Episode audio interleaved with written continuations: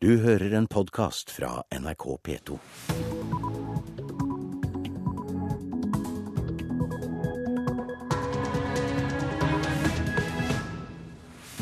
Klokka er 6.30, du hører på P2s Nyhetsmorgen. Det er torsdag 14. juni, og jeg heter Hege Holm. Dette er hovedsaker i nyhetene. Regimet i Syria driver systematisk tortur og henretter sivile, skriver Amnesty i rapport. Staten blir erstatningspliktig for brudd på menneskerettighetene etter tomtefestedommen, mener jusprofessor. Ja, jeg tror man må si at, at, man må regne med noe erstatning her. Og vi får bare håpe at eh, man slipper å gå til søksmål for å få pengene. Og den sjudoble Tour de France-vinneren Lance Armstrong er anmeldt for doping.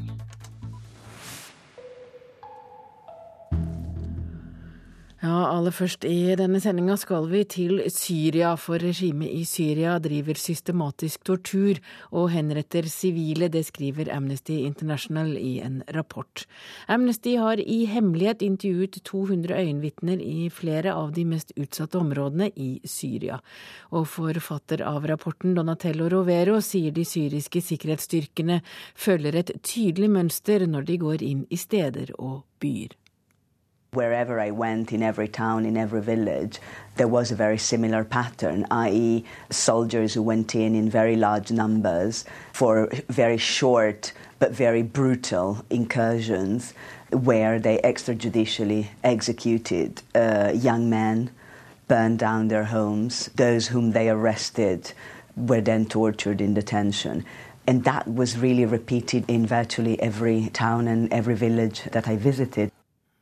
Ja, De syriske soldatene kommer i et stort antall og henretter unge menn, brenner hjemmene deres og torturerer de som de arresterer, sier Rovero. Og det blir mer om denne saken etter klokka sju her i Nyhetsmorgen. Staten blir erstatningsansvarlig for tapte inntekter til grunneiere etter tomtefestedommen i Menneskerettsdomstolen i Strasbourg.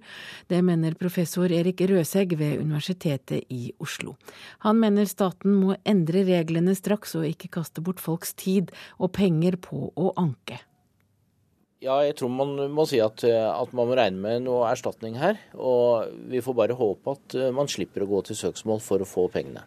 Menneskerettsdomstolen i Strasbourg ga tirsdag seks grunneiere medhold i at tomtefesteloven er i strid med eiendomsrett og menneskerettighetene.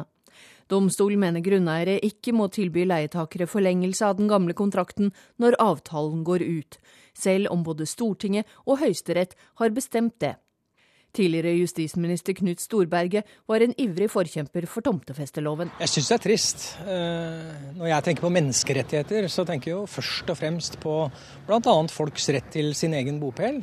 Han ber regjeringen anke. Men det bør staten la være, sier jusprofessor Erik Røsegg ved Universitetet i Oslo. Du mener at dette bør politikerne ordne opp i snarest. Hvordan da?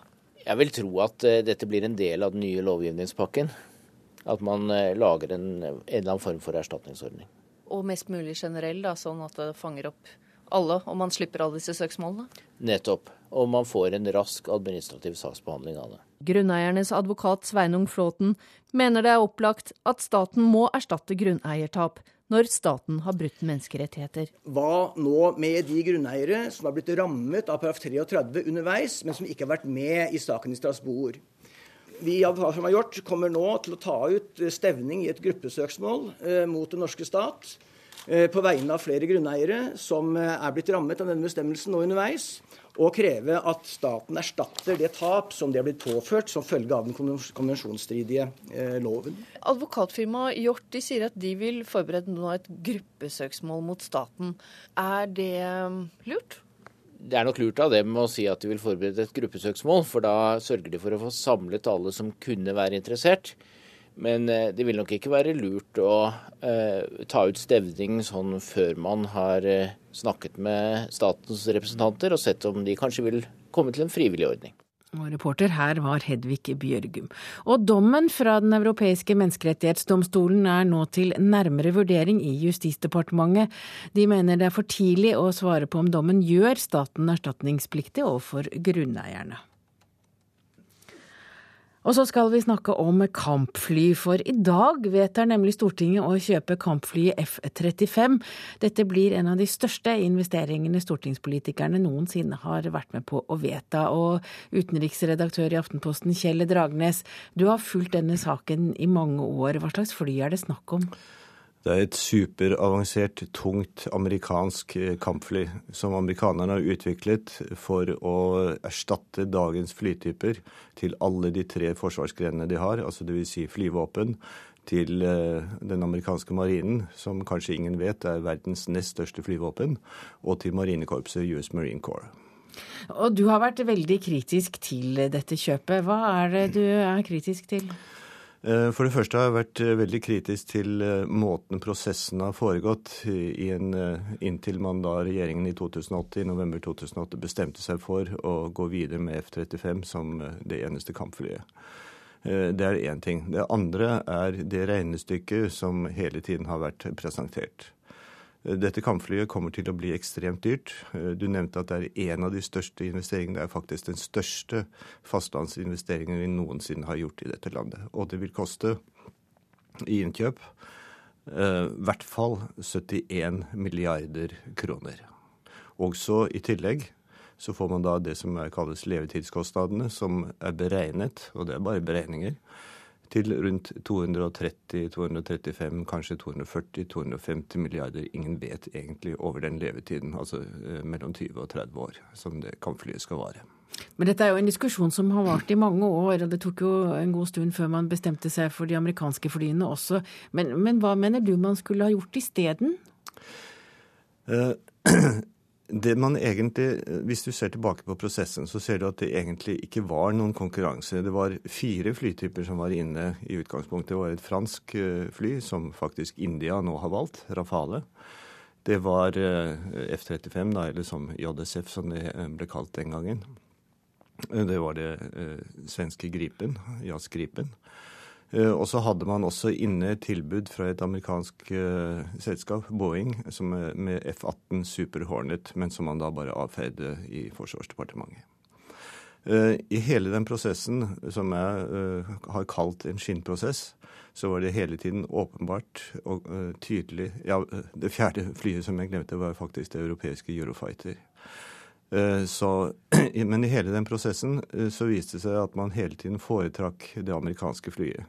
Slik at Eurofighter da faktisk aldri ble med i siste runde. De bare leverte tilbake anbudspapirene og sa at dette gidder vi ikke være med på. Det gjorde også eh, franskmennene, som i en tidligere fase sa at eh, dette her kommer ikke til å bli noen reell konkurranse. Det er for kostbart for oss å være med på noe som er så fiktivt. Så det du sier er at dette var avgjort på forhånd? Det var helt klart avgjort på forhånd.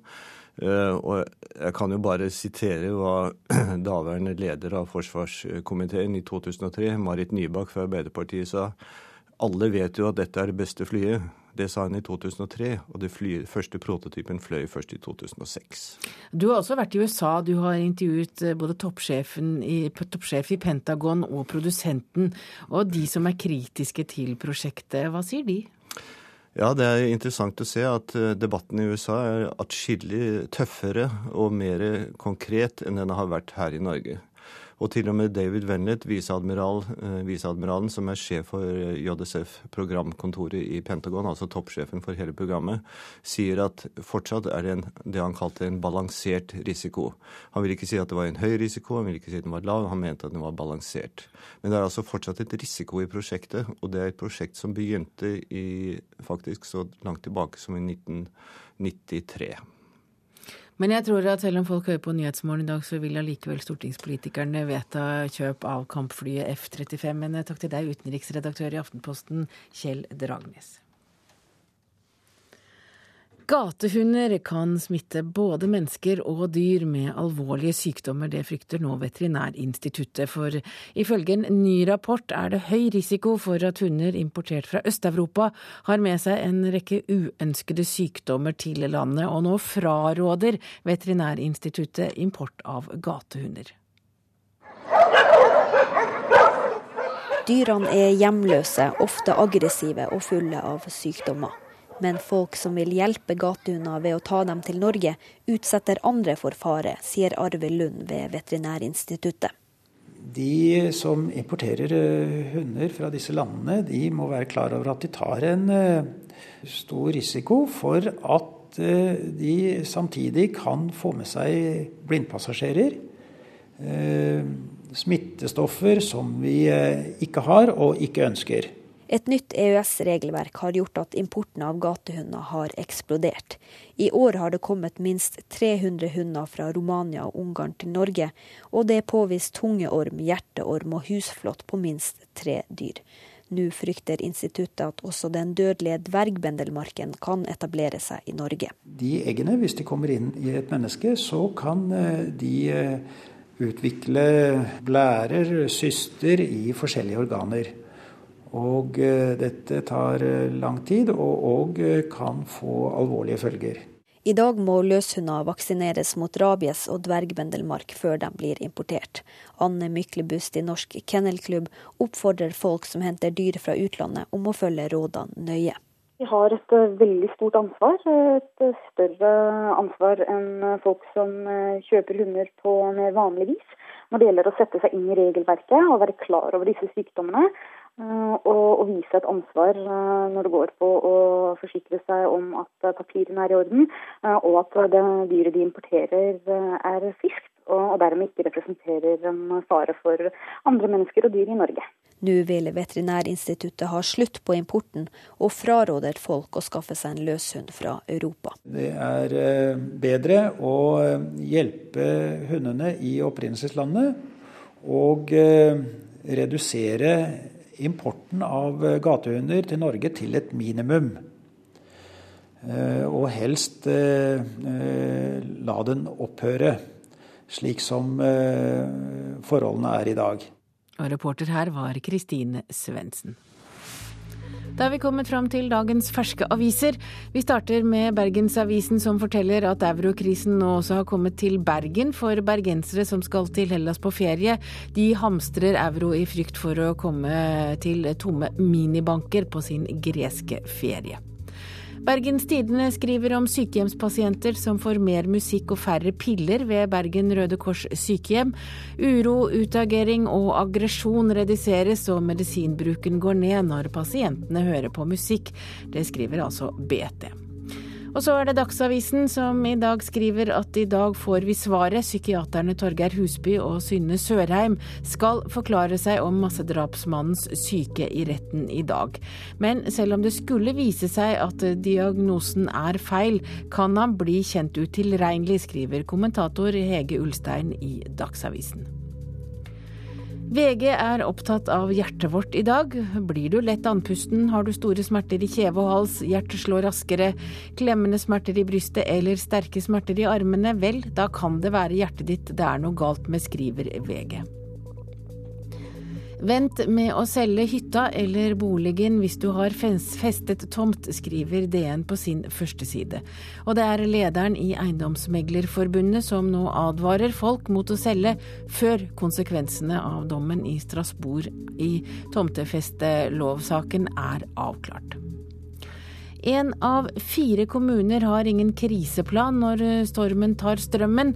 Det skriver Aftenposten i dag. 1,3 millioner mennesker mistet strømmen under orkanen Dagmar. Allikevel er det mange som ikke har en plan. Bondelagsleder Nils T. Bjørke gir regjeringen ett års frist for å øke bondeinntektene og. Og styrke tollvernet. Bjørke stiller krav for videre støtte til regjeringen, skriver Nasjonen. Mens Vårt Land skriver om en bonde som har satset stor på stordrift, og sier at det betaler seg dårlig, for regjeringen lar det dryppe mest på de melkebøndene som driver i det små. Tidligere justisminister Knut Storberget utfordrer menneskerettighetsdomstolen i Strasbourg. Storberget mener at støtten til grunneieren i tomtefestestriden er langt unna sentrale menneskerettigheter, skriver Klassekampen. Og hvis du er ute i sola noen dager om sommeren og spiser fet fisk om vinteren, får du i deg nok D-vitaminer. Du trenger D-vitaminer for å forebygge kreft, høyt blodtrykk, hjerneslag og diabetes. Det skriver Dagbladet på sin forside. Og Nordlys de advarer. Klar melding gjør deg nå klar til en myggsommer.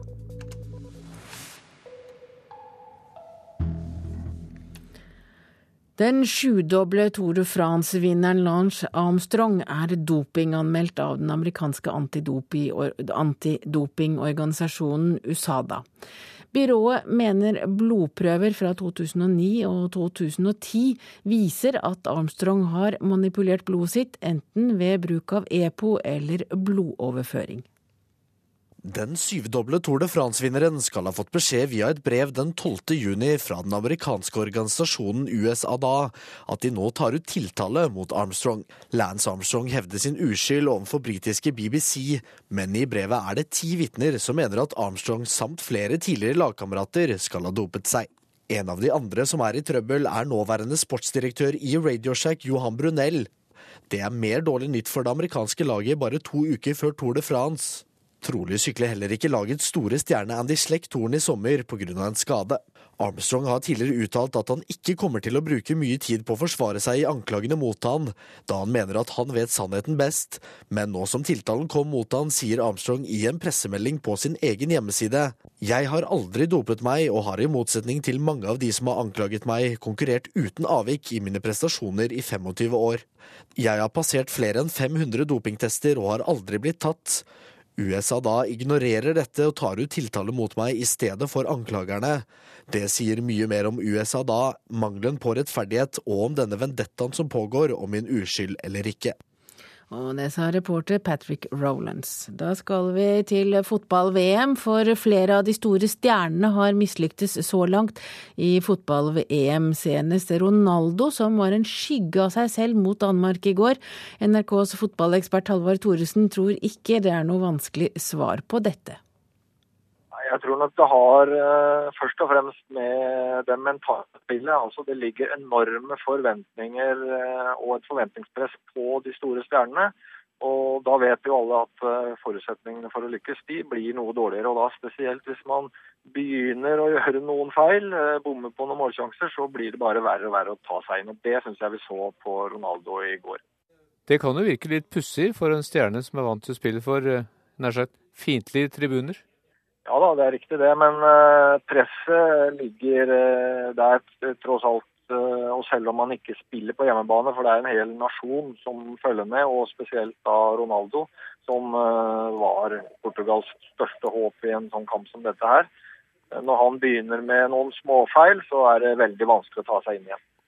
Så er det også sånn at Når de store stjernene begynner å lykkes, får den selvtilliten og flyten de skal ha, så kan det også bli veldig og de kan bli avgjørende. Og reporter her var Ole Jakob Jorseth. Du hører på Nyhetsmorgen, klokka er 6.47. Dette er hovedsaker i nyhetene. Regimet i Syria driver systematisk tortur og henretter sivile, skriver Amnesty i rapport. Tomtefestedommen gjør staten erstatningspliktig for brudd på menneskerettighetene, mener jusprofessor. Og følg med videre, så får du høre om ukjente Aukrust-bilder som nå stilles ut.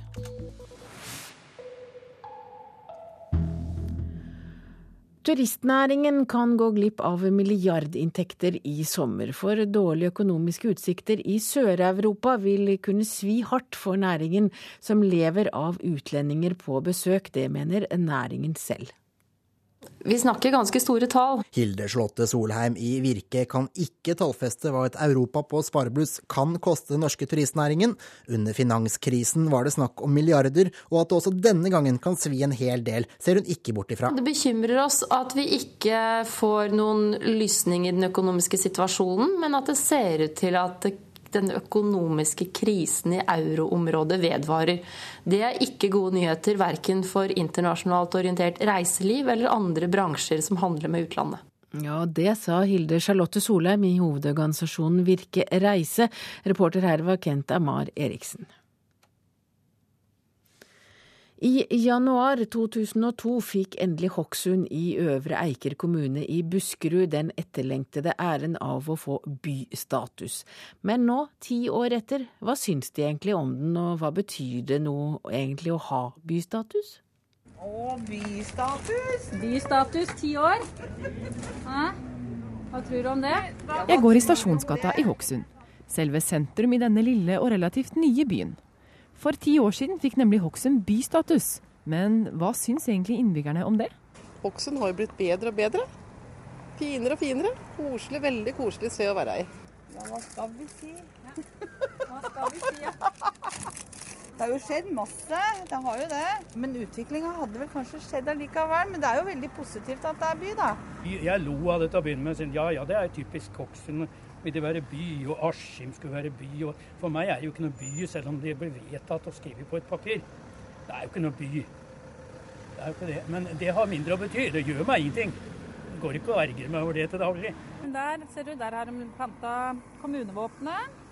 Er sånne Ordføreren i Øvre Eiker, Ansire Fjæringstad, blir med på en liten spasertur gatelangs. I helgen skal tiårsjubileet for byen feires, men hvor mye legger egentlig hun i denne bystatusen?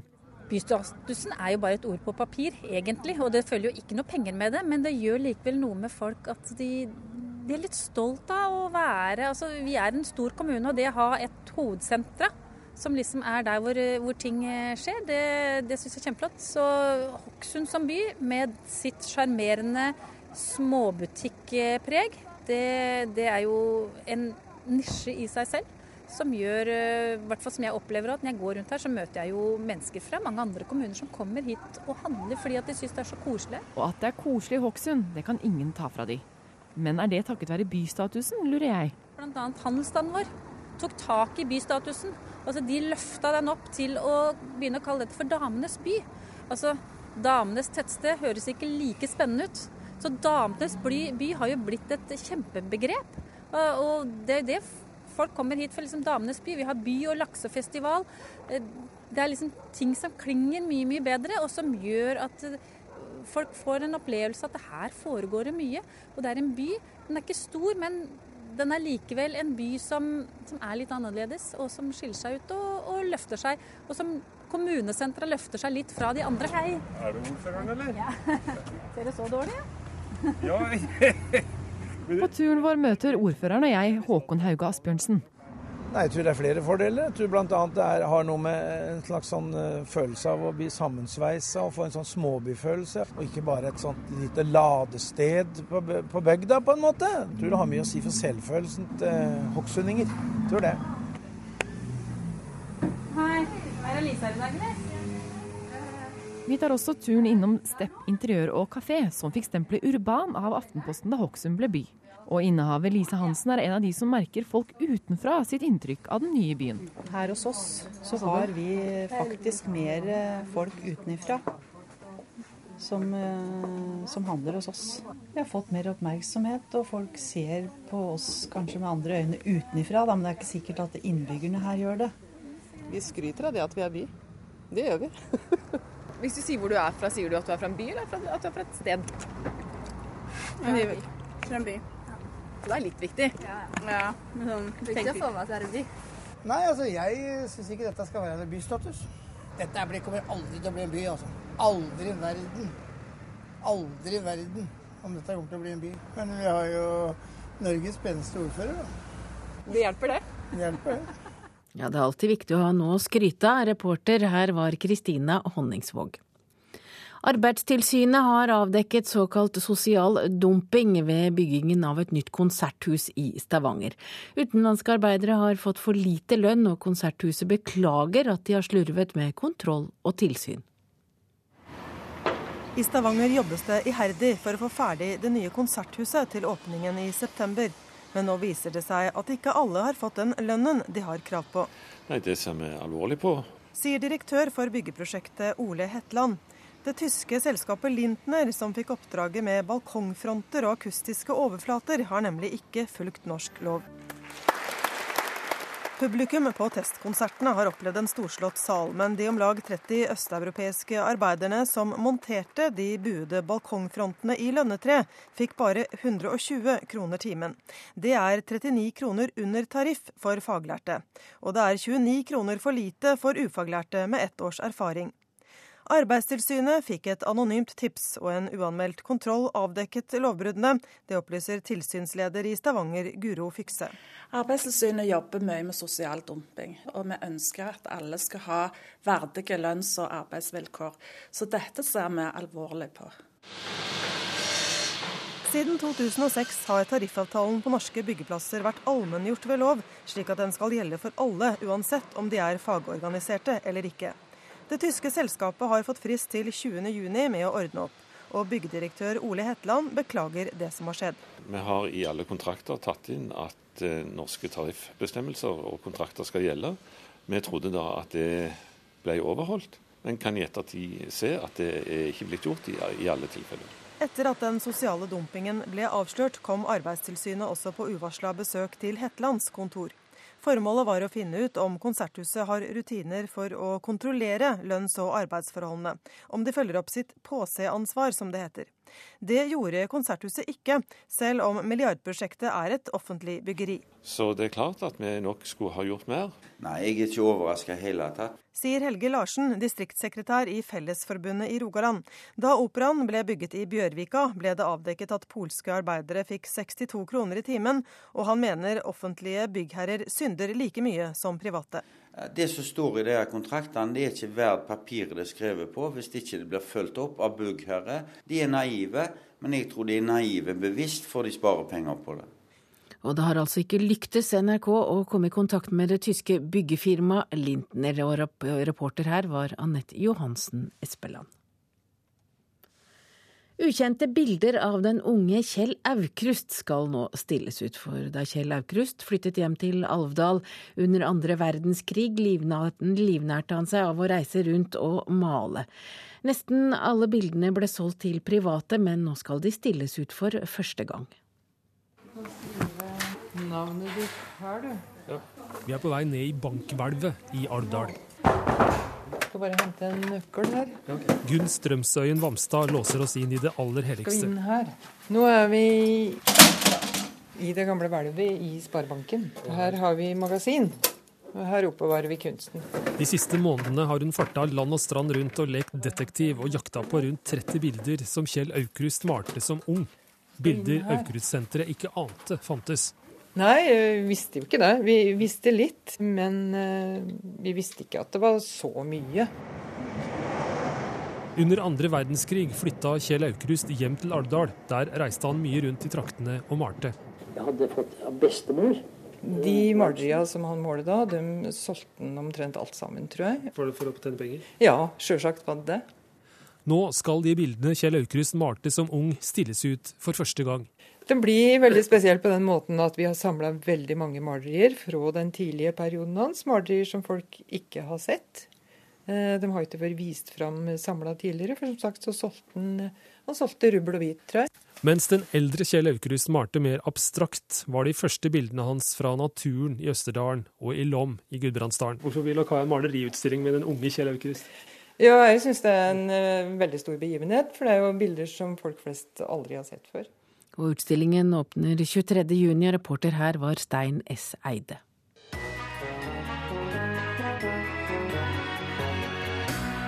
I sommer blir det quiz på P2 hver formiddag. Du kan vinne DAB-radio og få muligheten til å briljere på lufta innen alle fagfelt. Meld deg på til Selskapslekene nå. SMS til 1987 med kodeord 'Selskapet', eller send en e-post til Radioselskapet krøllalfa nrk.no. Selskapslekene fra mandag 18. juni. Og da har vi kommet fram til et værvarsel her i Petos Nyhetsmorgen. Østlandet perioder med regnbyger, utrygt for torden.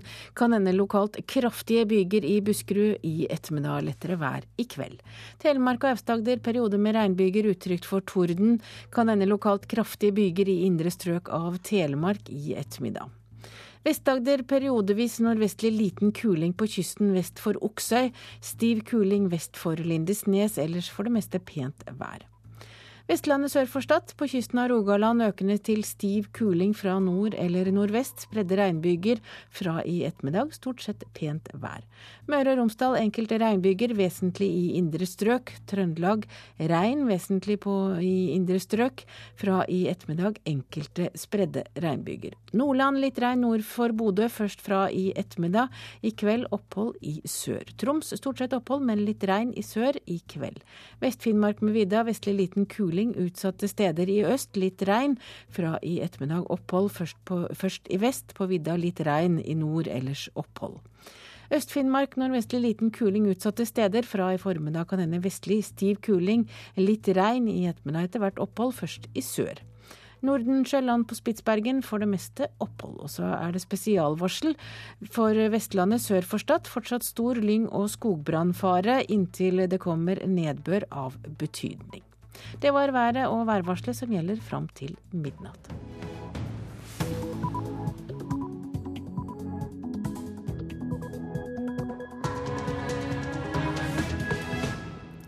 Klokka er sju, du hører på Nyhetsmorgen. Jeg heter Hege Holm, og her er en nyhetsoppdatering. Den syriske regjeringen begår forbrytelser mot menneskeheten, skriver Amnesty i ny rapport. Det var et fast mønster. Soldatene gikk inn i bostadsområder der de avretta unge menn, brente ned heimene deres. De som havna i fengsel, ble torturerte. Er du akutt syk og kommer på sykehus, er det mest sannsynlig uerfarne turnusleger som møter deg. Nei, Vi skulle ønske at det har vært eh, flere erfarne leger i akuttmottaket. Det er jo det første møtet, den første vurderinga pasienten får. Og Det sier seksjonsleder Eli Aunøyen Hegg ved akuttavdelingen til St. Olavs hospital. Tomtefestedommen gjør staten erstatningspliktig for brudd på menneskerettighetene. Det mener jusprofessor. Man må regne med noe erstatning her, og vi får bare håpe at eh, man slipper å gå til søksmål for å få pengene. Hvor liten tvil det må være for å dømme en person eh, til eh, fengsel, det spør tidligere statsadvokat, tidligere riksadvokat, som mener man bør prøve kravet i saken mot Anders Behring Breivik. Og den sjudoble Tour de France-vinneren Lance Armstrong dopet seg i 2009 og 2010. Det mener den amerikanske antidopingorganisasjonen. Lance Armstrong hevder sin uskyld overfor britiske BBC, men i brevet er det ti vitner som mener at Armstrong samt flere tidligere lagkamerater skal ha dopet seg. Da skal vi til Syria, for Amnesty International mener, eller beskylder den syriske regjeringen for forbrytelser mot menneskeheten i en ny rapport. Amnesty har intervjuet over 200 mennesker i syriske byer og landsbyer. De beskylder myndighetene for å bruke den brente jords taktikk ved å myrde og torturere sivile og brenne hjem og avlinger. Det går hardt for seg når regjeringshæren angriper posisjonene til opprørerne. Begge sider har fått tilført nye og bedre våpen fra støttespillere, og dødstallene stiger kraftig. Det gjør også rapportene om overgrep, og ifølge en ny rapport fra Amnesty International er det den syriske hæren som er verst. Um. Det var et fast mønster. Soldatene gikk inn i bostadsområder der de avretta unge menn, brente ned heimene deres. De som havna i fengsel, ble torturerte. Dette ble gjentatt i hver by og landsby jeg besøkte, forteller Donatella Rovera, som har intervjua syriske sivile for Amnesty International. Hun kritiserer FN-tryggingsrådet for ikke å gjøre noe før de mange massakrene skjedde. The UN Security Council in particular has uh, spectacularly failed to do the right thing, to do what is needed.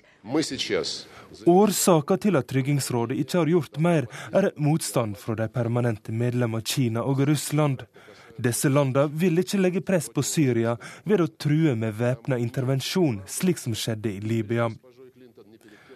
Og den russiske utenriksministeren Sergej Lavrov forsvarer denne posisjonen. Vi støtter ikke det syriske regimet, men vi støtter den syriske staten vi mener er fundamental for stabiliteten i regionen. I kveld møtes FN hovedforsamling for å diskutere den forverra situasjonen i Syria. Fredsplanen til Kofi Annan har ikke ført fram, og bl.a. Frankrike ønsker at Tryggingsrådet gjør planen obligatorisk, noe som Russland og Kina mest sannsynlig vil være imot. I Syria forsvarer regimet seg med at de fleste overgrepene mot sivile blir utført av opprørsgrupper. Det mener Amnesty er feil the overwhelming majorities of the violations are being committed by the government security forces Det er tryggingsstyrkene eller regjeringsvennlige militser som står bak de aller fleste overgrepene. forteller Amnesty International sitt vitne i Syria, Donatella Rovera. Og det sa utenriksreporter Roger Severin Bruland. Og FN har en vanskelig oppgave, det sier Jan Egeland, europadirektør i Human Rights Watch. Ja, rettssikkerhet, menneskerettigheter i Syria er nå i et fritt fall. Det blir ikke bare litt verre for hver dag, det blir veldig mye verre for hver eneste dag. Det betyr at FN er stilt overfor en helt ny situasjon. Det sendelaget som ble sendt inn da eh, Kofi Annan ble eh, megler, det ble sendt inn under forutsetning av at regimet og opposisjonen samarbeidet med observatørene og med megleren. Det gjør de ikke. Hva slags informasjon får dere om forholdene for folk i de hardest rammede områdene? At det er helt forferdelig. Eh, altså Den eh, FN-rapporten som kom nettopp ut, er sammenfallende med, bygger delvis på eh, flere rapporter fra Human Rights Watch som viser at til og med barn blir torturert, drept, henrettet, brukt som menneskelige skjold. Eh, det er ingen grenser for brutaliteten i landet, og det blir en veldig eh, eskalering, opptrapping, til det at vi nå har fått en borgerkrig i landet. Og det betyr igjen at det kan komme til å bli enormt mye verre, samtidig som det internasjonale samfunnet ikke trekker sammen. Russland fortsetter å eksportere våpen til et regime som dreper sine egne barn. Hva kan FNs hovedforsamling komme fram til i dag når de skal diskutere situasjonen i Syria? Altså Det man kan håpe på, er at det blir et enormt overveldende flertall i å fordømme regimets voldsbruk og isolere Russland, Kina og de få som har eh, støttet, beskyttet regimet som sådan. Eh, samtidig eh, et press på at Sikkerhetsrådet nå enes om tiltak. Et mulig tiltak er at man har en større, bedre, sterkere internasjonal styrke der. De 300 heltene i Syria som tar større risiko enn jeg kan huske noe annet sendelag har gjort, i FNs historie. De er for få, de er ubevæpnet, og de blir nå blokkert, ikke minst av eh, Assads ulike militser og, og, og, og støttegrupper. Det at temaet er oppe i FNs hovedforsamling, eh, og at Syria blir tema for et eget møte, hva betyr det? Ja, det betyr jo at eh, alle øyne, ikke bare på Syria, men alle øyne er også på de som beskytter eh, Assad. Jeg tror nok at russerne føler et overveldende press. Eh, vi hadde selv en vellykket operasjon nå i Paris, hvor vi tok opp med franskmennene at de kan ikke la Rosobonrov-eksport, altså den statlige eh, våpeneksportøren til Russland, som har enorme milliardkontrakter med Assad-regimet, kan ikke være på et normalt eh, våpenshow i Paris, samtidig som franskmennene ber om en våpenboikott. Altså det må være konsekvenser og også overfor Russland og de landene som beskytter Assad. Derigjennom ligger det også et håp. Jeg tror at Assads venner blir nå mer og mer isolerte. Har du håp? Jeg tror det blir verre før det kan bli bedre, dessverre, i Syria. Eh, det vi har lært av dette, er at handlingslammelse i den tidlige fasen av en konflikt får enorme negative konsekvenser siden, for at konflikten blir så mye større, så mye mer bitter, og det blir da mye vanskeligere å bilegge den. Det er bl.a. nå veldig mange flere bevæpnede grupper, og disse er også i ferd med å bli bitrere, mer radikaliserte, og mange av dem igjen har begynt å misbruke menneskerettighetene. Da skal vi snakke om eh, hva som skjer når vi kommer inn på akuttmottak, for i de fleste tilfeller er det turnusleger som møter oss. Det er en kartlegging gjort av overleger ved St. Olavs hospital i Trondheim som viser at fire av fem leger som tar imot pasienter ved landets akuttmottak, er turnusleger. Flere akuttsykepleiere er nå bekymret for at det går utover effektiviteten ved mottakene. Nei, Vi skal ønske at det har vært eh, flere erfarne leger i akuttmottaket. Det er jo det første møtet, den første vurderinga pasienten får eh, når han kommer. Eh, pluss at det gjør noe med flyten i akuttmottaket for øvrig. Det sier seksjonsleder Eli Aunøyen Hegg ved akuttavdelingen til St. Olavs hospital. På landsbasis vil det i fire av fem tilfeller ikke være en autorisert lege, men en turnuskandidat som møter pasienten på akuttmottaket. Det viser en landsomfattende undersøkelse som er omtalt i fagbladet Dagens Medisin. Flere av akuttsykepleierne på St. Olavs er bekymret for hva dette betyr for effektiviteten. Det sier sykepleier Siv Brevik, som mener mangelen på erfaring hos turnuslegene kan være en utfordring. Jeg tror jeg har mange med meg når jeg sier det at vi til tider er litt frustrert over det. For det vil jo føre til at andre pasienter som kommer, kanskje må vente lenger enn eh, det som vi ønsker. På alle akuttmottak skal det være en bakvakt. En mer erfaren lege som kan kontaktes ved behov. Men de er ikke alltid tilgjengelige, og seksjonssjef Eli Hegg tror også det finnes turnuskandidater som av ulike årsaker kvier seg for å kontakte disse bakvaktene. For noen er det kanskje vanskeligere å be om eh, hjelp og be om en vurdering. Terskelen for å ringe bakvakta er større. Eh, så det er veldig stor variasjon. Eh, det er det. Men mange er òg flinke til å bruke oss sykepleiere og råd for seg med og ja, skjønner at man må spørre den bakvakta. Akuttmottakene er en veldig viktig læringsarena for uh, unge, ferske leger. Det sier Johan Torgersen. Han er leder i Yngre legers forening og syns det er bra turnuskandidatene får erfaring i akuttmottak. Men han understreker at de ikke er utlærte, og at de ikke må nøle med å kontakte mer erfarne kolleger ved behov. Jeg håper inderlig at eh, de er flinke til det. Alle må kontakte eh, høyere kompetanse hvis man må møte sin egen kompetansegrense et sted. Og det må ikke være noe terskel for å ta kontakt med bakvakt eller annen erfaren lege.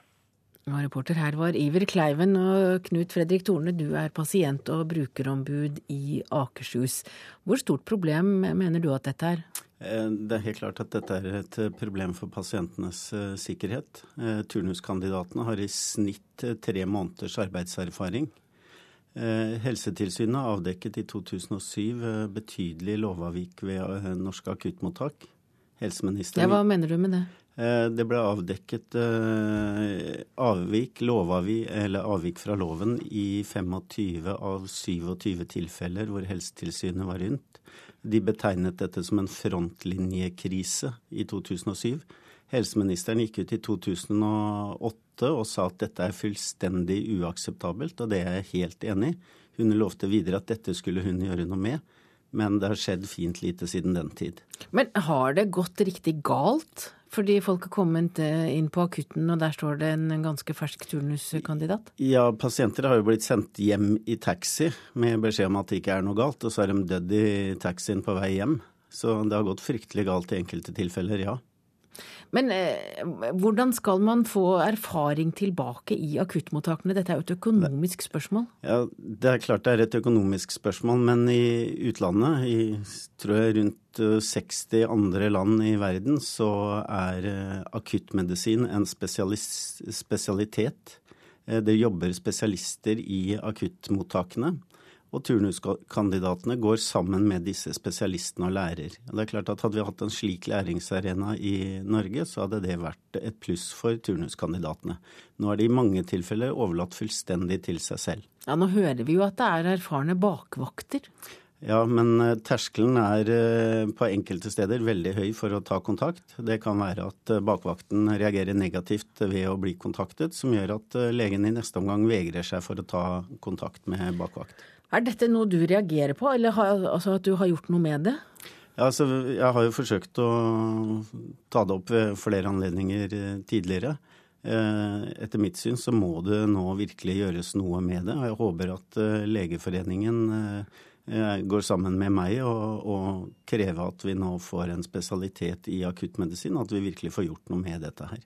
Takk til deg, Knut Fredrik Torne. Du er altså pasient- og brukerombud i Akershus. Staten blir erstatningsansvarlig for tapte inntekter til grunneiere etter tomtefestedommen i Menneskerettsdomstolen i Strasbourg. Det mener professor Erik Røsegg ved Universitetet i Oslo. Han mener staten må endre reglene straks, og ikke kaste bort folks tid og penger på å anke. Ja, jeg tror man må si at, at, man må regne med noe erstatning her. Og vi får bare håpe at man slipper å gå til søksmål for å få pengene. Du mener at dette bør politikerne ordne opp i snarest. Hvordan da? Jeg vil tro at eh, dette blir en del av den nye lovgivningspakken. At man eh, lager en, en eller annen form for erstatningsordning. Og mest mulig generell, da, sånn at det fanger opp alle, og man slipper alle disse søksmålene? Nettopp. Og man får en rask administrativ saksbehandling av det. Og reporter her var Hedvig Bjørgum. Klokka er kvart over sju, du hører på P2s Nyhetsmorgen, dette er hovedsaker. Regimet i Syria driver systematisk tortur og henretter sivile, skriver Amnesty i ny rapport.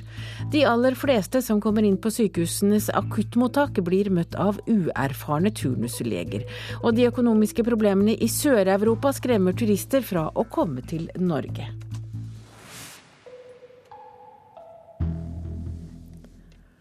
Straffesaken mot Anders Behring Breivik er en god anledning til å prøve kravet om hvor liten tvil det må være for å dømme en person til fengsel. Det sier tidligere riksadvokat Georg Fredrik Riber Moen. To psykiaterteam har nå levert rapporter med motsatt konklusjon, og det har skapt mye debatt og kritikk. Det er 33 år siden forrige høyesterettsdom som sa noe om hvor stor eller liten tvil det kan være om en person er tilregnelig eller ikke. Det er for så vidt fastslått et prinsipp med yttergrenser i 1979. Men det er ikke presisert nærmere, i den grad det er mulig, hva som skal ligge i det. Det syns jeg denne saken for så vidt kunne være egnet til å prøve å, å, å få presisert nærmere hvor streng sannsynligheten skal være. Var Anders Behring Breivik psykotisk og dermed strafferettslig utilregnelig, eller kan han dømmes til fengsel? Hvor mye tvil kan tillates før dommeren lander på den ene eller den andre konklusjonen? En høyesterettsdom som går helt tilbake til 1979, ligger til grunn for de fleste avgjørelser siden. Men terrorrettssaken er helt unik, understreker professor i strafferett Erling Johannes Husabø. Vi har jo ikke hatt noen rettssak der eh, spørsmål om tilregnelighet har vært belyst så mye og med så mange sakkyndige som her. Alle vitnemålene blir lagt i vektskålene for og imot tilregnelighet. Men hvor mye må vekten tippe i én retning for at man skal snakke om rimelig tvil? Ribermoen gir dette anslaget. Det jeg sier er altså at det kreves ikke like mye som 95% Det kreves noe under 95% Men det sies ikke hvor på sannsynlighetsskalaen da man skal ligge, men man sier at det kreves mer enn 51 men nærmere 95% er med enn 51. Men hvor, vet man ikke. Man står altså igjen med et stort slingringsmonn. Leder av Den norske advokatforening, Berit Reiss-Andersen, tror dette vil bli utnyttet av partene i retten. Dette vil være definitivt en sentral del av prosedyrene. Og jeg tror nok særlig forsvareren vil bevege seg veldig inn i dette usikkerhetsrommet og kanskje trekke beviskravet nedover. Selv om statsadvokatene så langt har stått på at Breivik er utilregnelig, kan de fortsatt snu og argumentere for det motsatte. Men om de skulle ende opp med å mene det samme som forsvarerne, nemlig at Breivik skal i fengsel, kan likevel dommeren konkludere med psykisk helsevern. Ja, det er absolutt. Det er fordi at uh, dommerne som sagt har ansvaret for å felle dommen og gjøre det riktig i forhold til både loven og bevisene. Ja, det sa til slutt jusprofessor Erling Johannes Husabø. Reportere var Merete Jansen og Ellen Omland. Og du kan følge vitnemålet til Torgeir Husby og Synne Sørheim direkte i NRK Alltid nyheter fra klokka ni.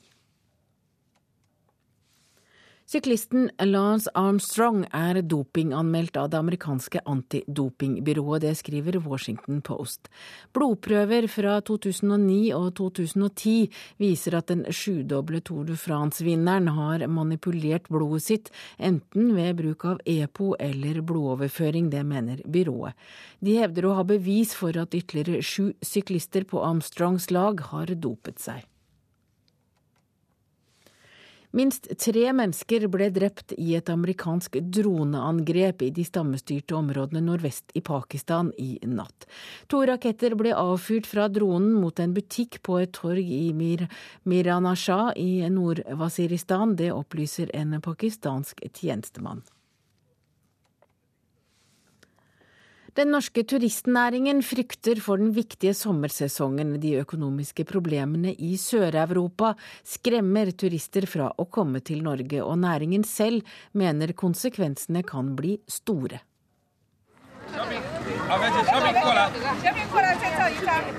Nok et busslass med turister på den røde singelen. Dyre speilreflekskameraer foreviger både en grønn Karl Johan og unggutter i uniform. Slottet er et must for utenlandske turister på besøk i Oslo. Really Men nå frykter reiselivsnæringen at færre bilder av Slottet vil ende opp i utenlandske fotoalbum.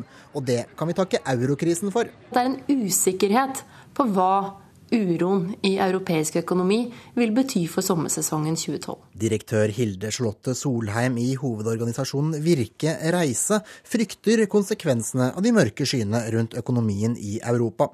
På nytt vakler våre naboer i sør, og det kan bety mindre penger til norsk reiseliv. Det bekymrer oss at vi ikke får noen lysning i den økonomiske situasjonen, men at det ser ut til at den økonomiske krisen i euroområdet vedvarer. Det er ikke gode nyheter verken for internasjonalt orientert reiseliv eller andre bransjer som handler med utlandet. Også turister NRK snakket med på sightseeing i Oslo i går, skjønte at den norske reiselivsnæringen er bekymret.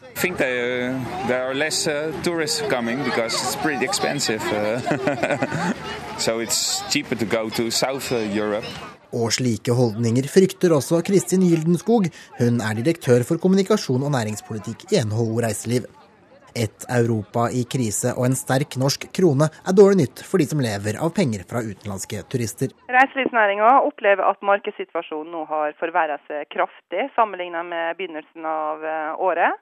Og det er den eh, økonomiske krisa ute i eh, Europa som er problemet, sammen med ei sterk krone. Solheim i Virke kan ikke tallfeste hva et Europa på sparebluss kan koste den norske turistnæringen.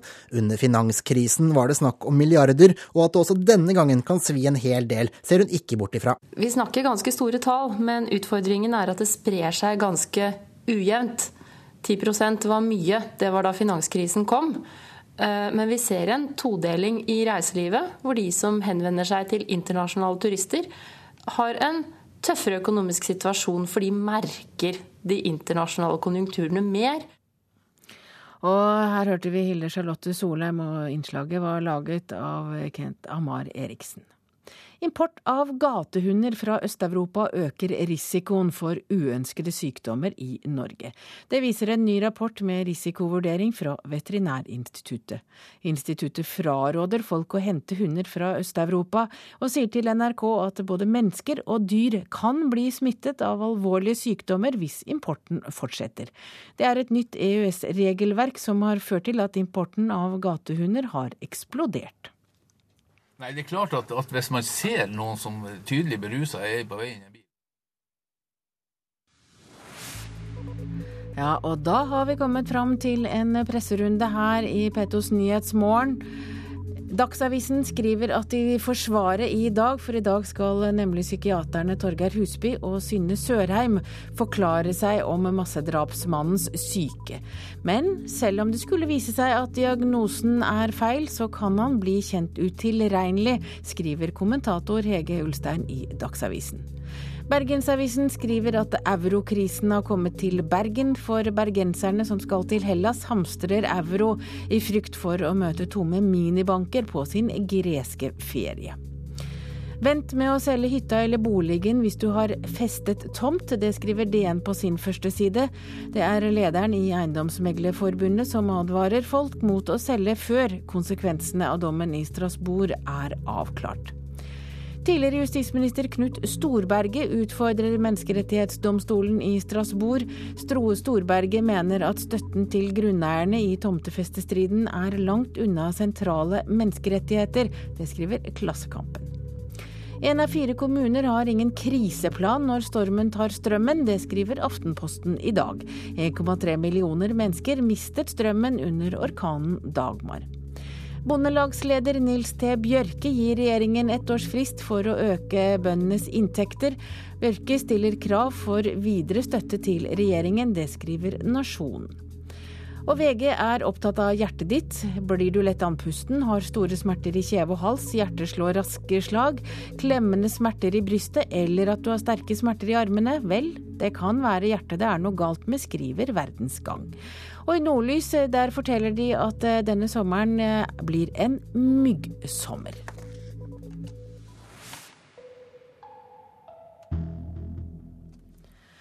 Politiet er maktesløse overfor fyllekjøring på øyer med fergesambandet. Nå oppfordrer politiet i Midtre Hålogaland øyboerne selv om å bidra for å stanse promillekjøring. En kultur som preges av at ingen vil sladre, er farlig for alle. Det sier fungerende stasjonssjef ved Midtre Hålogalands politidistrikt, Kåre Rasmussen. Nei, det er klart at, at Hvis man ser noen som tydelig berusa er på vei inn i en bil, så tror jeg nok de aller fleste vil, vil eh, ta fra dem nøklene eller forhindre kjøringa. Altså. Det er jo når kjøringa har skjedd at du kanskje mer eh, tenker ja ja, det gikk nå bra. Bjarkøyværingene Øystein Omar Aas og Glenn Brox fleiper med et problem politiet ser svært alvorlig på. I hvert fall på Bjarkøy så har vi en god kultur, det må vi jo kunne si. Ja, Dere har en god kultur ja. og en lensmann. Og en lensmann, ikke minst. Jeg vet på Grytøya er de fæle til å kjøre etter vesten. Fyllekjøring på øyer uten fastlandsforbindelse skjer uten at politiet kan forhindre det. Fungerende stasjonssjef Kåre Rasmussen oppfordrer til mer varsling fra venner og naboer. Det er åpenbart at det forekommer i for stor grad, det tror jeg kan si med sikkerhet. Hvordan vet dere det? Nei, vi, eh, vi, får jo meldinger ny eh, fra tid til annen, og eh, vi hører jo hva som skjer. Ja, for det er jo en del øyer som ikke har bru- og tunnelforbindelse. Og hvis politiet skulle ta seg en tur, så ville jo hele øya vite det før dere har gått av ferga? Ja da, det er nok sånn det er i mange av de øyene og, og småsamfunnene ute. Men hva kan dere gjøre med de ressursene dere har i dag?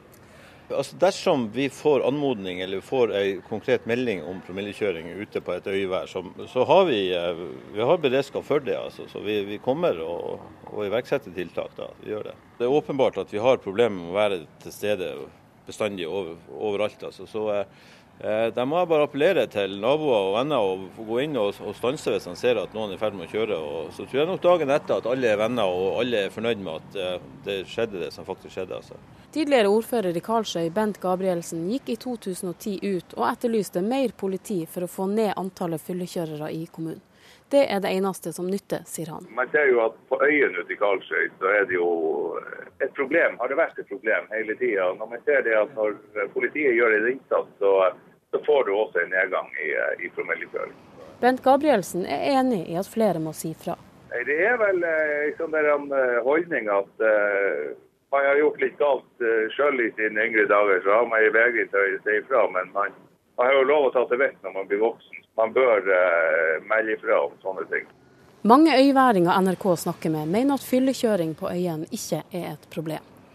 Øystein Omar Aas fra Bjarkøy tror at det skjer ofte, men at man ikke snakker om det. Det har med at det er små samfunn, og da, det er litt sånn det er litt problematiske sider med små samfunn. Man vil ikke angi nabo, eller, fordi alle kjenner alle. Der det ikke er lensmann, og der det er sånn at alle vet at lensmann kommer kanskje om fem timer, eller kanskje ikke i det hele tatt, at det kan være litt sånn at folk har et litt sånn liberalt forhold til det å kjøre f.eks. hjem fra fest. Det tror jeg nok kan være tilfellet. På fergekaia finner vi grytøyværing Frode Nilsen. Han har en løsning på politiets problem med å kunne foreta uanmeldte promillekontroller. det er ikke noe problem hvis de får eh, bedre regularitet på ferga, sånn at de begynner å gå eh, tidligere om morgenen og lenger utover kveld. For Da rekker de med å komme seg ut og ha kontroll. Så da kunne vi faktisk ha løst også det problemet der ute hos oss. Fungerende politistasjonssjef eh, Kåre Rasmussen, tror du at folk fyllekjører mindre når de får eh, bru og tunnel til øya si istedenfor ei ferge? Ja, jeg håper i hvert fall det. Jeg håper det. Jeg kan ikke si noe annet enn det. Dukker dere opp oftere når det kommer bru og tunnel? Nei, Det er ikke noe automatikk i det, men det gir oss en muligheten til å drive mer aktive kontroller ut i de områdene, geografiske områdene som er tilknytta fastlandet. Det var et par bjarkøyværinger der nede som sa at nei, vi, vi kjører ikke i fylla, men på Grytøy derimot. ja, ikke så. Det er sånn vi bruker å si det om bjarkøyværingene, bjarkøyværingene sier det om oss. Så det er bare sånn det er. Salsøyværingene er enda verre. Så. De, de er enige. ja ja. Reporter her var Monica Melå. Du hører på Nyhetsmorgen. Om få strakser er det klart for Dagsnytt ved Odd Christian Dale.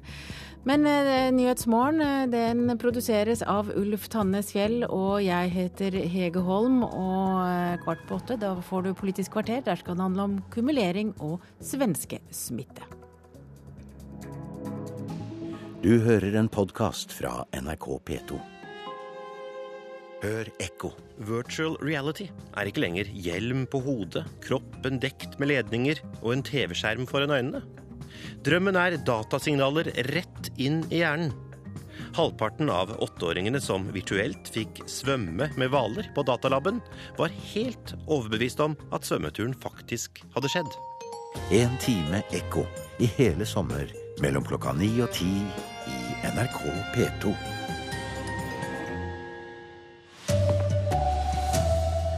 Uerfarne leger tar imot akuttpasienter. Pasientombud frykter for tryggleiken.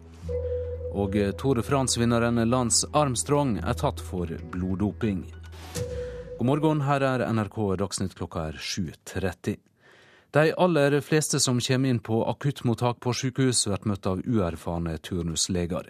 Pasientombudet mener dette går utover pasienttryggleiken, og en kartlegging ved St. Olavs hospital i Trondheim viser at fire av fem leger som tar imot pasienter i akuttmottakene, er turnusleger. En pasient kommer inn på akuttmottaket ved St. Olavs hospital i Trondheim. Fagbladet Dagens Medisin omtaler en landsomfattende undersøkelse utført av overleger ved sykehuset, som viser at over 80% av legene som møter pasienten i døra, er turnusleger med under ett og et halvt års erfaring i snitt. Det er risiko for at pasientene lider her.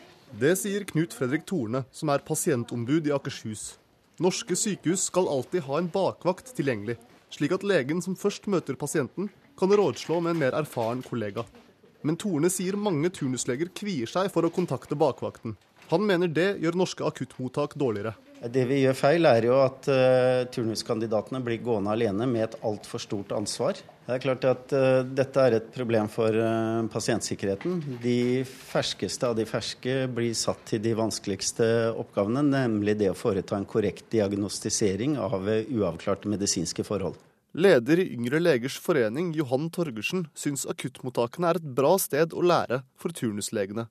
Men han understreker at de må kunne innse når de trenger hjelp. Jeg håper inderlig at eh, de er flinke til det. Alle må kontakte eh, høyere kompetanse hvis man må møte sin egen kompetansegrense et sted. Og det må ikke være noe terskel for å ta kontakt med bakvakt eller annen erfaren lege. Reporter var Iver Kleiven. Matematikkunnskapen blant elever i videregående skole er elendig, det viser en rapport fra Utdanningsdirektoratet, der det går fram at 78% av elevene i andre klasse på videregående fikk karakteren tre eller dårligere ved eksamen, skriver VG. Snittkarakteren i førerhåndssensuren, som omfatter 750 eksamenselever, er 2,5, som blir regna som svært lågt. Amnesty International skylder den syriske regjeringa for brotsverk mot mennesker i en ny rapport. Amnesty har intervjua over 200 mennesker i syriske byer og landsbyer. Kampene i Syria blir blodigere for hver dag som går. Dødstallene stiger kraftig, og daglig kommer det rapporter om overgrep på sivile, forteller Jan Egeland i Human Rights Watch. Det blir ikke bare litt verre for hver dag. Det blir veldig mye verre for hver eneste dag. Og ifølge en ny rapport fra Amnesty står den syriske hæren bak de fleste overgrepene. Um, Det var et tydelig mønster. Soldatene kommer i stort antall, avretter unge menn og brenner heimene deres. Dette ble gjentatt i hver landsby jeg besøkte, forteller Donatella Rovera, som intervjua over 200 sivile for rapporten. Her blir det lagt fram bevis for at regjeringshæren gjør seg skyldig i brotsverk mot menneskeslekta. Donatella Rovera kritiserer FN-tryggingsrådet for ikke å legge mer press på regimet i Syria. Men de faste medlemmene Kina og Russland stritter imot, og Russland eksporterer attpåtil våpen til Syria, forteller Egeland. Russland fortsetter å eksportere våpen til et regime som dreper sine egne barn. Reporter var Roger Sevrin Bruland. Gatehunder kan smitte både mennesker og dyr med alvorlige sykdommer, frykter Veterinærinstituttet i en ny rapport. Tidligere har Mattilsynet advart mot det samme, men nå frårår Veterinærinstituttet import av gatehunder fra Øst-Europa. Dyrene er hjemløse, ofte aggressive og fulle av sykdommer. Men folk som vil hjelpe gatehunder ved å ta dem til Norge, utsetter andre for fare, sier Arve Lund ved Veterinærinstituttet. For at eh, de samtidig kan få med seg blindpassasjerer. Eh, smittestoffer som vi eh, ikke har og ikke ønsker. Et nytt EØS-regelverk har gjort at importen av gatehunder har eksplodert. I år har det kommet minst 300 hunder fra Øst-Europa. Den dødelige dvergbendelmarken kan være en av mange uønska gjester på importhundene. De eggene, hvis de kommer inn i et menneske, så kan eh, de eh, utvikle blærer, syster, i forskjellige organer. Og eh, dette kan få alvorlige følger. Reporter Kristine Svendsen. Straffesaka mot Anders Behring Breivik er et godt høve til å prøve krav om hvor liten tvil det må være for å kunne dømme en person til fengsel. Det sier tidligere riksadvokat Georg Fredrik Ribermoen. To psykiaterteam har levert rapporter med motsatt konklusjon, som har ført til mye debatt og kritikk. Og det er 33 år siden sist det kom en høyesterettsdom som sa noe om hvor store eller liten tvil det kan være om en person er tilregnelig eller ikke. Det er for så vidt fastslått et prinsipp med yttergrenser i 1979. Men det er ikke presisert nærmere, i den grad det er mulig, hva som skal ligge i det. Det syns jeg denne saken for så vidt kunne være egnet til å prøve å, å, å få presisert nærmere hvor streng sannsynligheten skal være. Var Anders Behring Breivik psykotisk og dermed strafferettslig utilregnelig, eller kan han dømmes til fengsel? Hvor mye tvil kan tillates før dommeren lander på den ene eller den andre konklusjonen? En høyesterettsdom som går helt tilbake til 1979, ligger til grunn for de fleste avgjørelser siden. Men terrorrettssaken er helt unik, understreker professor i strafferett Erling Johannes Husabø. Vi har jo ikke hatt noen rettssak der eh, spørsmål om tilregnelighet har vært belyst så mye og med så mange sakkyndige som her. Og i dag skal de to psykiaterne som skrev den første rapporten forklare seg for retten, og den eh, forklaringa sender vi direkte i kanalen Alltid nyheter på radio og NRK1 på TV. Reportere her var Merete Jansen og Ellen Omland. Turistnæringa frykter for den viktige sommersesongen. De økonomiske problemene i Sør-Europa skremmer turister fra å komme til Norge. Dyre speilreflekskameraer foreviger både en grønn Karl Johan og unggutter i uniform. Slottet er et must for utenlandske turister på besøk i Oslo. Really Men nå frykter reiselivsnæringen at færre bilder av Slottet vil ende opp i utenlandske fotoalbum, og det kan vi takke eurokrisen for. Det er en usikkerhet på hva uroen i europeisk økonomi vil bety for sommersesongen 2012. Direktør Hilde Charlotte Solheim i hovedorganisasjonen Virke Reise frykter konsekvensene av de mørke skyene rundt økonomien i Europa. Også turister NRK snakket med på sightseeing i Oslo i går, skjønte at den norske reiselivsnæringen er bekymret. Uh,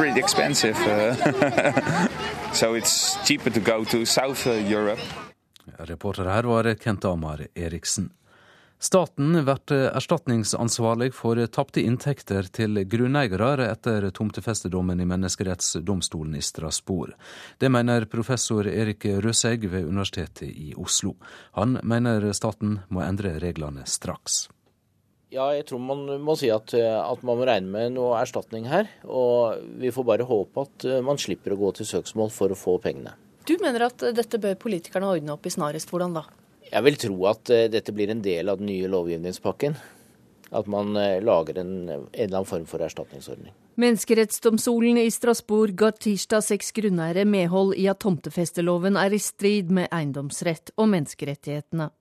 Domstolen mener grunneiere ikke må tilby leietakere forlengelse av den gamle kontrakten når avtalen går ut, selv om både Stortinget og Høyesterett har bestemt det. Grunneiernes advokat Sveinung Flåten mener det er opplagt at staten må erstatte grunneiertap når staten har brutt menneskerettigheter. Vi som har gjort, kommer nå til å ta ut stevning i et gruppesøksmål eh, mot den norske stat. Reporter her var Hedvig Bjørgum. Tour de France-vinneren Lance Armstrong er meldt for å bruke doping av den amerikanske antidopingorganisasjonen USA DA. Den syvdoble Tour de France-vinneren skal ha fått beskjed via et brev den 12. juni fra den amerikanske organisasjonen USADA at de nå tar ut tiltale mot Armstrong. Lance Armstrong hevder sin uskyld overfor britiske BBC, men i brevet er det ti vitner som mener at Armstrong samt flere tidligere lagkamerater skal ha dopet seg. Det fortalte reporter Patrick Rowlands. Ansvarlig for denne sendinga er Bjørn Christian Jacobsen, teknisk ansvarlig Hanne Lunås, og i studio Odd Christian Dale.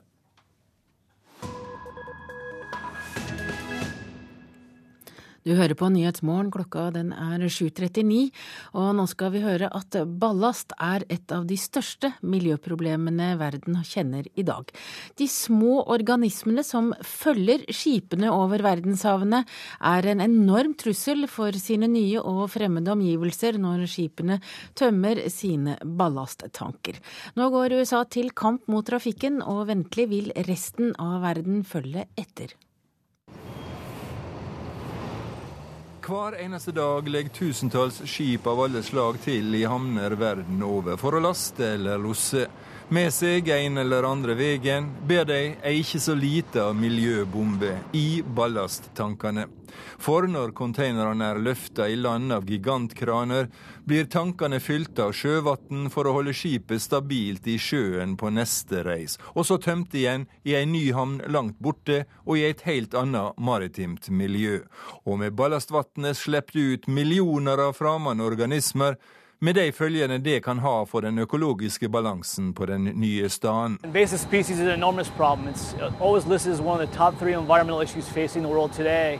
Um, they, invasive species can change habitats they colonize. They can Fremmede organismer kan kolonisere de nye omgivningene sine så kraftig at andre bestander bryter sammen og forsvinner, med de økonomiske virkningene det har for fiskeri og havindustri, sier Mario Tamburi, som forsker ved det amerikanske ressurssenteret for havmiljø. Samtidig minner Richard Everett ved den amerikanske kystvakta om at skipa er avhengig av ballastvann. Ballastwater is used to manage uh, the ship's draft, that is how far down in the water it sits. Uh, the last thing you want is for your vessel to be bobbing around on the surface like a. Problemet er altså det som følger med vannet under frakten fra hav til hav. Nå går det internasjonale samfunnet med amerikanerne i spissen til kamp mot disse farlige blindpassasjerene. Ytst på ei av de mange kaiene i Baltimore er det laga ei helt lite ballastvann-laboratorium. It's uh, large, it's 300 cubic meters, for a real ship it would probably be small, maybe uh, a third or a tenth of the size of a real ballast tank. Det kan minne om et par olympiske svømmebasseng og er i praksis modell for de framtidige ballasttankene, slik de ventelig vil bli bygd for å tilfredsstille de nye og svært strenge reguleringene som USA innfører i løpet av dette tiåret. Og som andre ventelig vil ta etter, for å ta knekken på de uønska organismene og rense ballastvannet før det tømmes i havet.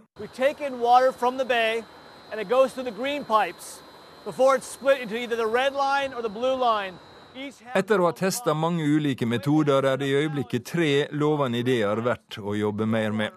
Enten å trekke oksygen ut av vannet for å kvele organismene, eller ødelegge dem med kjemiske middel, eller ta livet av dem med stråling. They remove the larger organisms first, and then they will treat the smaller organisms because the idea is that they're more susceptible to whatever the treatment is.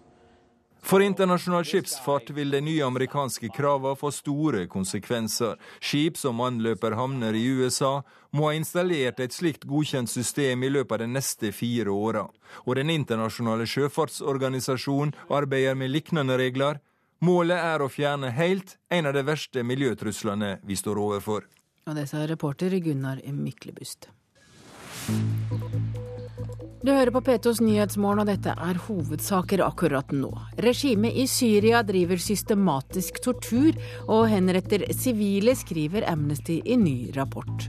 De aller fleste som kommer inn på sykehusenes akuttmottak, blir møtt av uerfarne turnusleger. Og hvor liten tvil må det være for å dømme en person til fengsel? Tidligere riksadvokat Georg Fredrik Riiber-Moen mener kravet bør prøves i saken mot Anders Behring Breivik. Og da har vi kommet fram til Politiske kvarter, Bjørn Bø, og der skal det handle om framtidas skole. Ja, Arbeiderpartiet mener Høyre har fått en skadelig svenskesmitte. Og så skal vi snakke om selve demokratiet. Hvordan velge stortingsrepresentanter?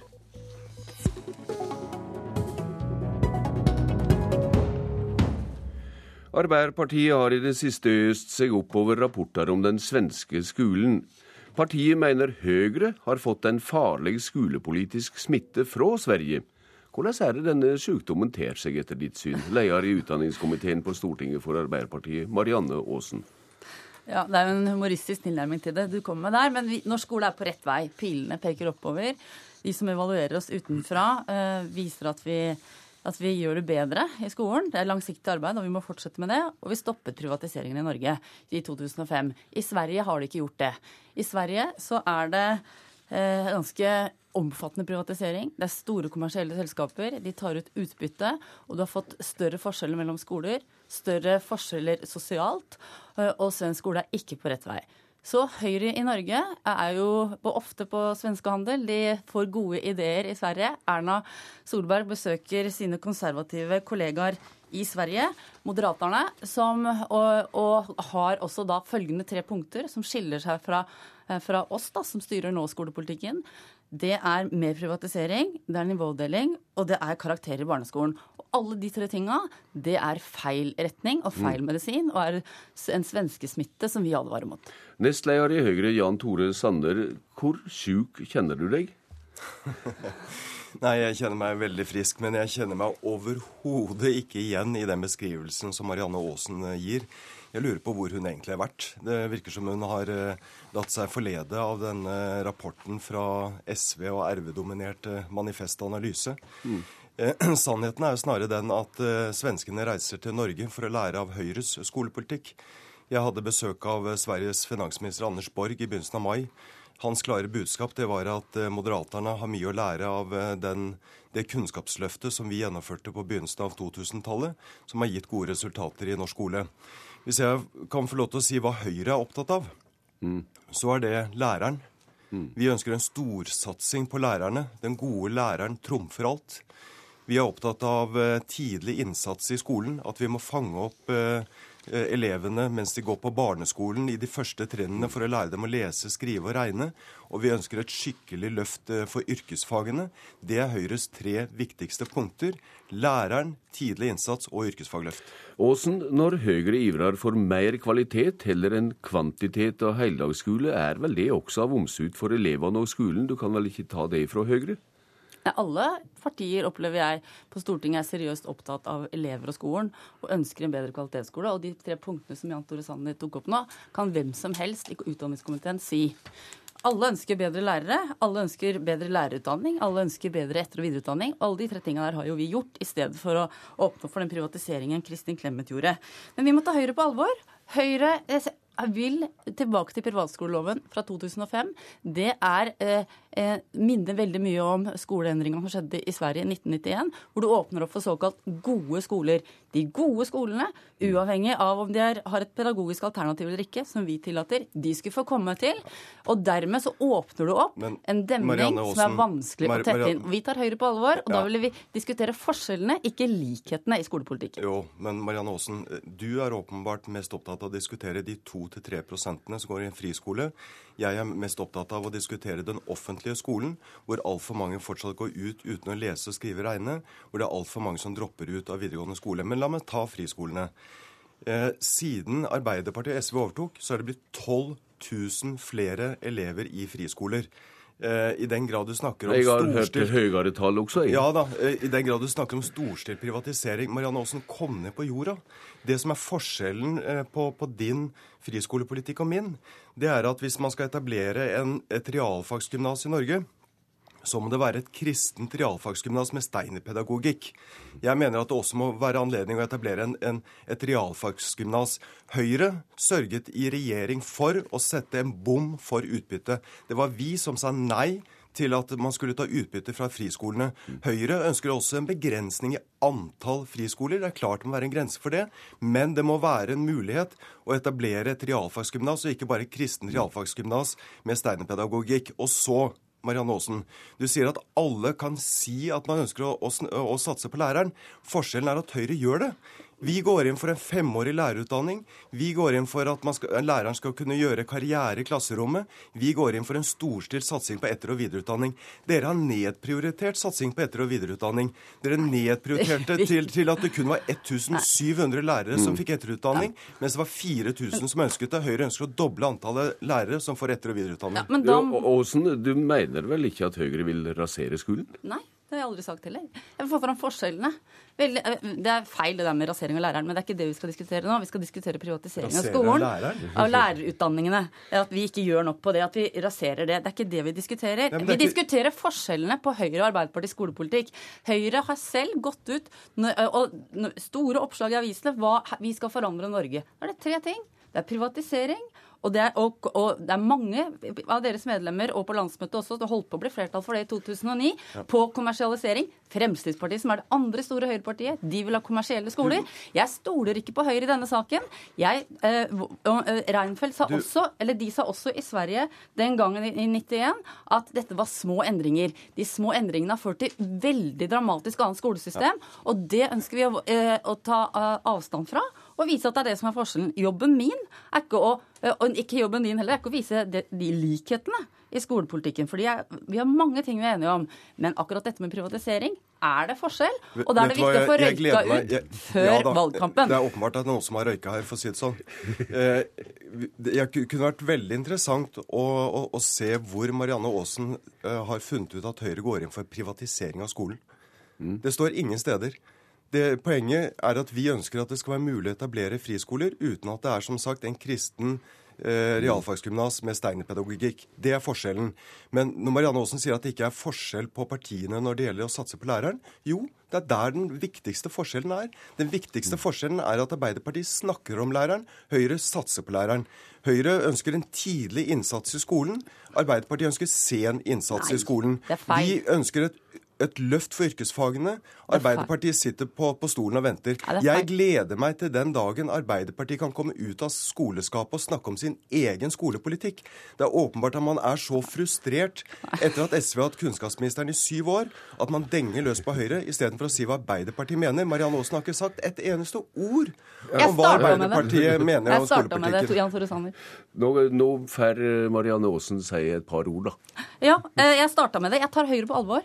Og jeg tar Høyre på forskjellene mellom altså Høyre og Fremskrittspartiet på de andre partiene i skolepolitikken. Og da må dere tørre å si at dere vil åpne opp for private skoler. Dere vil ta tilbake den gamle privatskoleloven. Det, dere setter ingen grensestolpe for det. Men, men og det jo, jo, jo. er det vi vil må få fram. Helt, helt kort til slutt, men, men det, hadde, det hadde vært en veldig fordel om skoledebatten kunne handle om hva man faktisk står for. Høyre satte mm. foten ned for utbytte. Vi ønsker også begrensning i antall privatskoler. Det viktigste for Høyre er å satse på den offentlige skolen, og den gode læreren trumfer alt. Satse på læreren er Høyres aller viktigste skolesak. Men der skolesak. er vi enige. Nei, åpenbart ikke. jo. Ja vel. Takk til deg, Marianne Aasen. Det var så langt vi kom i denne omgang. Sanner, du blir med videre.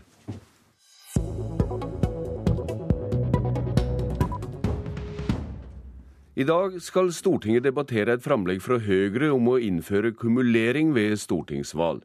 Dette er, som de fleste vet, en ordning som gjelder ved kommunevalg, at velgeren kan gi ekstrarøyster til kandidater de liker. Jan Tore Sanner, du er altså fremdeles med oss. Hvorfor mener det dette også bør gjelde ved stortingsvalg? Vi ønsker å vitalisere eh, demokratiet. Eh, ved at eh, velgerne også skal kunne ha innflytelse om hvilke politikere som kommer inn på, på Stortinget. I dag så kan, så kan, folk velge mellom ulike partier. Vi ønsker også at uh, velgerne skal ha mulighet til å påvirke hvem som kommer inn. Og Jeg syns jo det er et paradoks at vi som sitter på Stortinget, vi har altså pålagt uh, lokalpolitikerne å la seg påvirke, uh, og, og, og at, at, velgerne skal kunne påvirke hvem som kommer inn i kommunestyret, mens vi som sitter på Stortinget, vi skal være skjermet for velgernes dom. Og det vil ha kumulering på plass alt til stortingsvalget i 2013, altså neste år? Ja, vi mener at, eh, at det er på høy tid. Dette er en gammel debatt. Eh, Høyre har i lang tid tatt til orde for at velgerne ikke bare skal kunne velge parti, men også skal ha mulighet til å kumulere på stortingsvalglisten, slik at de politikerne som da får f.eks. 8 kumuleringer, personlige stemmer, de skal da prioriteres først. Velgernes innflytelse skal økes. Det vil bidra til å vitalisere demokratiet. Per Olaf Lundteigen fra Senterpartiet, du er saksordfører for dette i Stortinget. Og sammen med Arbeiderpartiet, SV og Fremskrittspartiet vil du røyste ned Høyre-framlegget. Hvorfor er dere redde for mer velgermakt? Vi er ikke redde for det, og det som er saken er at Høyre har ikke fremma noe konkret forslag, de. Ja, de har bedt bare... regjeringa greie ut dette med tanke på stortingsvalget i 2013. Ja, nettopp. De har bedt en å greie ut det. Høyre har ikke fremma konkret forslag hvordan en skal avveie da den balansen mellom partienes innflytelse over hvem som skal være de fremste, og velgernes mulighet til å påvirke det. Det her er eh, viktig at en får fram kandidater som er dyktige og som har forutsetninger for det. Det er jo da noe som partiene har et grunnleggende ansvar for. Og så er det spørsmål hvor mange kumuleringer som skal til for at en skal endre da den rekkefølgen som partiene har satt opp. Og det her det er da brei enighet om å gjøre noen ting. Eh, Fremskrittspartiet og regjeringspartiene ønsker at det her skal utredes fram mot stortingsvalget i 2017. Men slik du resonnerer nå, så høres det ut som eh, partimakt er viktigere enn folkemakt? Nei, det er en balanse. Det er jo klart en balanse her. Sånn. sånn er det jo også ved kommunevalget, at det er regler for, for, hvordan en organiserer det her sånn. Det er gjort forskjellig da i Sverige, Danmark og Finland, og derfor så må en eh, gå konkret inn i det. Og Høyre har ikke fremma noe konkret forslag. Sanner, stortingsflertallet er redd for at partiene skal miste kontroll over hvem som skal få deres framskudne poster i politikken, og peker altså på fare for å miste geografisk, sosial og kjønnsmessig fordeling blant de som blir valgte det er kanskje viktige innvendinger? Jeg mener at det er en overdreven frykt. Og hvorfor skal, eh, hvorfor skal, vi som sitter på Stortinget, eller som ønsker å komme på Stortinget, være redd for velgernes innflytelse? Eh, jeg hører at Lundteigen sier at Høyre ikke har fremmet noe konkret forslag. Vel, vårt forslag har ligget i Stortinget i to år. Eh, og vi har ønsket å drøfte ulike modeller, fordi vi mener at et slikt forslag bør ha en bred politisk forankring. Men vi registrerer at de andre partiene, altså flertallet, Eh, med unntak av Høyre, KrF og, Venstre, har trenert saken og ikke har vært villige til å drøfte konkrete forslag. I dag, eh, og slik vil det være også fremover, så er det partiene som nominerer. Mm. Det er partiene som setter opp en, eh, en, prioritert liste. Og da skal man selvsagt ta hensyn både til geografi og til kjønn og til, til bakgrunn. Men så mener jeg at når vi stiller til valg, så må vi også la velgerne ha innflytelse på hvem som kommer inn. Stemmer man på Senterpartiet f.eks., så er det jo ikke likegyldig om det er Ola Borten Borten Moe som kommer inn, eller om det er Per Olaf Lundteigen. Det ville faktisk ha ganske store konsekvenser for Senterpartiets videre, videre skjebne hvis de hadde stilt fra samme fylke. Og jeg mener at vi må la velgerne få mulighet til å ha innflytelse på hvilke politikere som skal komme inn på Stortinget, ikke bare hvilke partier. Du, Vera, Det var en kraftig analyse, men Lundteigen bare skyter inn her. Partienes nominasjonsmøte kan vel framstå som snevre grunnlag for å låse fast hvem som skal bli valgt? Det er helt korrekt, og derfor så er vi jo positive til at uh, velgerne skal kunne påvirke da hvem som personer som blir valgt fra de forskjellige fylkene. Men det som er det interessante, det er jo at Jan Tore Sanner sier her at en har hatt et forslag liggende i to år. Det er et forslag som ber regjeringa om å gjøre noen ting. Høyre sier ikke hvordan en skal gjøre det. For dette her er en krevende balanse. Og som sagt så er det forskjellig ordning i Sverige, Finland og Danmark. Og det er ulike avveininger som må til. Sånn at det er vesentlig å diskutere konkrete forslag, og Høyre har ikke kommet opp med det. Men det gledelige er, programleder, at nå er det enighet om å gå videre med det her sånn. Mm. Og etter all sannsynlighet så håper vi at ved valget i 2017 så kan velgerne påvirke bedre hvem som kommer ifra det enkelte parti Olaf, i det enkelte fylket. Per Olaf Lundteigen, du snakker mot bedre vitende. Jeg snakker ikke mot bedre vitende. Jeg har papira foran meg, i motsetning til deg, Jan Tore Sanner. Jo da, jeg, jeg, jeg, er forslagsstiller, så jeg vet hva jeg Det hjelper ikke det når du ikke har med deg papira og, og har satt deg inn i saken. Jo, Som saksordfører så er det mitt ansvar å ha oversikt og presentere saken på en god måte, og det er nå jeg har gjort. Men, og jeg okay, finner nei. meg ikke i at Jan Tore Sanner griper inn på den måten. Jo, men kjære deg, Lundteigen. eh, Jeg er forslagsstiller. Jeg har, har papirene liggende foran meg. Eh, Saken har ligget i kontrollkomiteen i to år. Eh, Og Høyre har, har i dialog med de andre partiene eh, ønsket å diskutere ulike modeller, men vi registrerer at, eh, at flertallet de parkerer forslaget i en, i en utredning frem til 2017. Vi mener at velgerne allerede i 2013 skulle ha mulighet til å bestemme ikke bare hvilke partier som skal komme inn, men også hvilke politikere som skal sitte Det her skal ikke parkeres frem fram til 2017. Her må en komme fram til et forslag hvordan spillereglene skal være, i god tid før det valget. Takk til dykk, eh, Per Olaf Lundteigen og Jan Tore Sanner. Politisk kvarter er slutt. Jeg heter Bjørn Bø.